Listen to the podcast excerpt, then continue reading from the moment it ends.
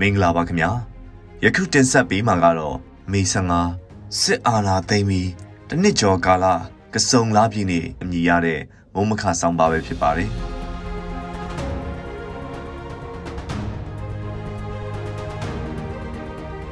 ပုံမှန်အခြေအနေမှာအခါကြီးနေကြီးရက်ကြီးနေတွေဆိုရင်ရန်ကုန်မြို့တရိတ်ဆန်ယုံရွှေတကုံဖျားတို့မှာနနက်ကဆလို့မွန်းလွယ်ပိုင်းတွေအထိကြိတ်ကြိတ်တိုးလောက်အောင်စီကားလေးရှိပြီး ညနေဆောင်ကစုံညောင်ရည်သုံးတဲ့အချိန်ဆိုဇူလေစေဒီဗုဒ္ဓထောင်စေဒီမဲလမှုကဘာအေးစတဲ့မြို့နယ်အသီးသီးကဖျားစေဒီတွေမှာစီကားလေးရှိပါတယ်။ပြီးခဲ့တဲ့နှစ်ကတော့စစ်အာဏာသိမ်းပြီးနောက်ဖြုတ်ခွဲမှုတွေဆန္ဒပြမှုတွေအနှဲငယ်အရှိန်ရောဂါစကိုဗစ်ကူးစက်မှုတွေရှိနေချိန်ကန့်သက်ချက်တွေလည်းရှိနေချိန်လူအများကလူစုလူဝေးနဲ့သွာလာတာကို အာမပိကြတဲ့ကာလဖြစ်ပြီးအဲ့ဒီလို သွာလာလဲပတ်တာတွေမတွေ့ခဲ့ရပါဘူးအခုနှစ်မှာတော့မနစ်ကတဲ့စားရင်လူတွေသွာလာကြတာတွေ့ရပြီးပုံမှန်နှစ်တွေလိုတော့မစီကားသေးပါဘူးကိုဗစ်ကန်သက်ချက်တော်တော်များများပယ်ဖြတ်ထားပြီးစစ်ကောင်စီကလူအများပုံမှန်သွာလာနေတာမျိုးအခြေအနေတည်ငြိမ်နေပြီဆိုတာမျိုးကိုပြသချင်တာလည်းဖြစ်လို့သွာလာစုဝေးတာတွေကိုစစ်ကောင်စီကအားပေးတာလည်းဖြစ်ပါတယ်။လက်တွေအချိန်ဒီမှာတော့လူတို့ကသွာလာလဲပတ်နိုင်တော့တဲ့ရုပ်ဝတ္ထုအခြေအနေမျိုးဝင်ငွေမျိုးမရှိကြပါဘူး။ရက်ွက်တည်တဲ့မုတ်ဟင်းသီးဟင်းရွက်အသားငါဖျားပန်းတစ်သီးပန်းမင်ဆိုင်တဲ့မြေဆွေးကအစလဲ့လဲရောင်းချတဲ့ဈေးတယ်တွေတစ်နေ့လုံးလဲ့လဲရောင်းချနေကြတာကိုကြည့်ရင်တနေ့တာဝင်ငွေရဖို့အလုတ်အကင်အခွင့်အလန်းနေပါပြီးဆိုင်ကန်းနေရမလို့တဲ့လှဲ့လေဈေးရောက်တဲ့အလုတ်အကင်နေပဲမှာအများအပြားလုတ်ကင်နေကြရတာကိုသတိပြုမိပါတယ်။ကိုဗစ်ကူးစက်ကပ်ပြီးနောက်ပိုင်းစစ်အာဏာသိမ်းပြီးနောက်ပိုင်းရက်ွက်ထဲကဈေးတယ်တွေ နှစ်ဆသုံးဆမက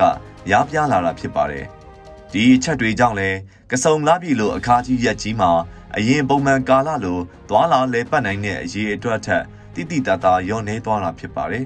။မန္တလေးမြို့မှာတော့စစ်ကောင်စီကစွန်းဆန်လောင်းပွဲကိုနိုင်ငံရေးရည်ရွယ်ချက်နဲ့ကျင်းပခဲ့ပြီးအောင်မြင်တဲ့မအောင်မြင်မှုစသဖြင့်အမျိုးမျိုးသောရှုထောင့်တွေကသတင်းတွေဖော်ပြနေကြကြတာလည်းဖြစ်ပါတယ်။ဘာသာရေးအခမ်းအနားကိုကမကထလုပ်တဲ့အဖွဲ့အစည်းကလူလူကို ဖိနှိပ်တပ်ဖြတ်မှုတွေလုပ်နေတဲ့အာဏာသိမ်းထားတဲ့စစ်တပ်ဥဆောင်တဲ့စစ်အစိုးရဖြစ်နေပြီးတစ်ဖက်မှာလည်းဘာသာရေးအခမ်းအနားဖြစ်လို့တန်ဃာတော်တွေကပေါင်းဝင်ကြတာလည်းဖြစ်ပါတယ်။အောင်မြင်တယ်မအောင်မြင်ဘူးဆိုတာမျိုးတွေနဲ့ frame ချပြီးဒီလိုဘာသာရေးအခမ်းအနားကိုနိုင်ငံရေးရှုထောင့်ကနေအလွန်ကျွန်းချင်းကပ်ဖို့မလိုအပ်ဘူးလို့မြင်ပါတယ်။နိုင်ငံရေးလှုပ်ရှားမှုမဟုတ်ပဲနိုင်ငံရေးအရာနောက်ွယ်မှာရည်ရွယ်ချက်ပါလာမှန်တော့လဲ ဒီလိုအခမ်းအနားကိုအရေးတကြီးသဘောထားစရာလဲမလိုအပ်တာအမှန်ပဲဖြစ်ပါတယ်။နိုင်ငံရေးအနိုင်အရှုံးဟာအခုလိုဘာသာရေးယဉ်ကျေးမှုပညာရေးတို့လိုနယ်ပယ်ကရှိုးပြတဲ့ပွဲလန်းတွေကအဆုံးဖြတ်ပေးတာမဟုတ်ဘူးလို့မြင်ပါတယ်။နိုင်ငံရေးစစ်ရေးအရှုံးအနိုင်အဆုံးဖြတ်ပေးတဲ့အရာတွေက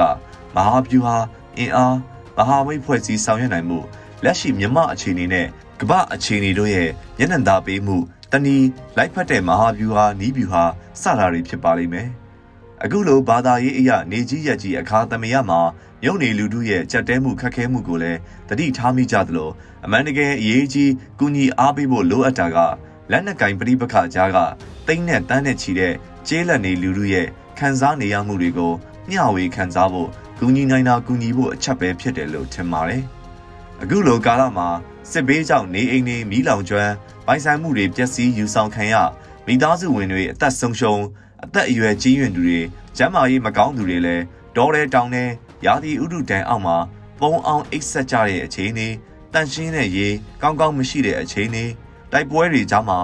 တနေရာပြီးတနေရာတိတ်ရှောင်နေရကြတဲ့အခြေအနေအောက်မှာနေနေကြရတဲ့စကိုင်းတိုင်းမကွေးတိုင်းကချင်ပြည်နယ်ရှမ်းပြည်နယ်ကယားပြည်နယ်ကရင်ပြည်နယ်တနင်္သာရီတိုင်းကလူလူတွေရဲ့ဘဝက မြို့ပေါ်ကစားဝတ်နေရေးကြက်တဲတဲ့သူတွေရဲ့ဘဝထက်အပုံကြီးခက်ခဲကြက်တဲတာလည်းဖြစ်ပါတယ်ခင်ဗျာ။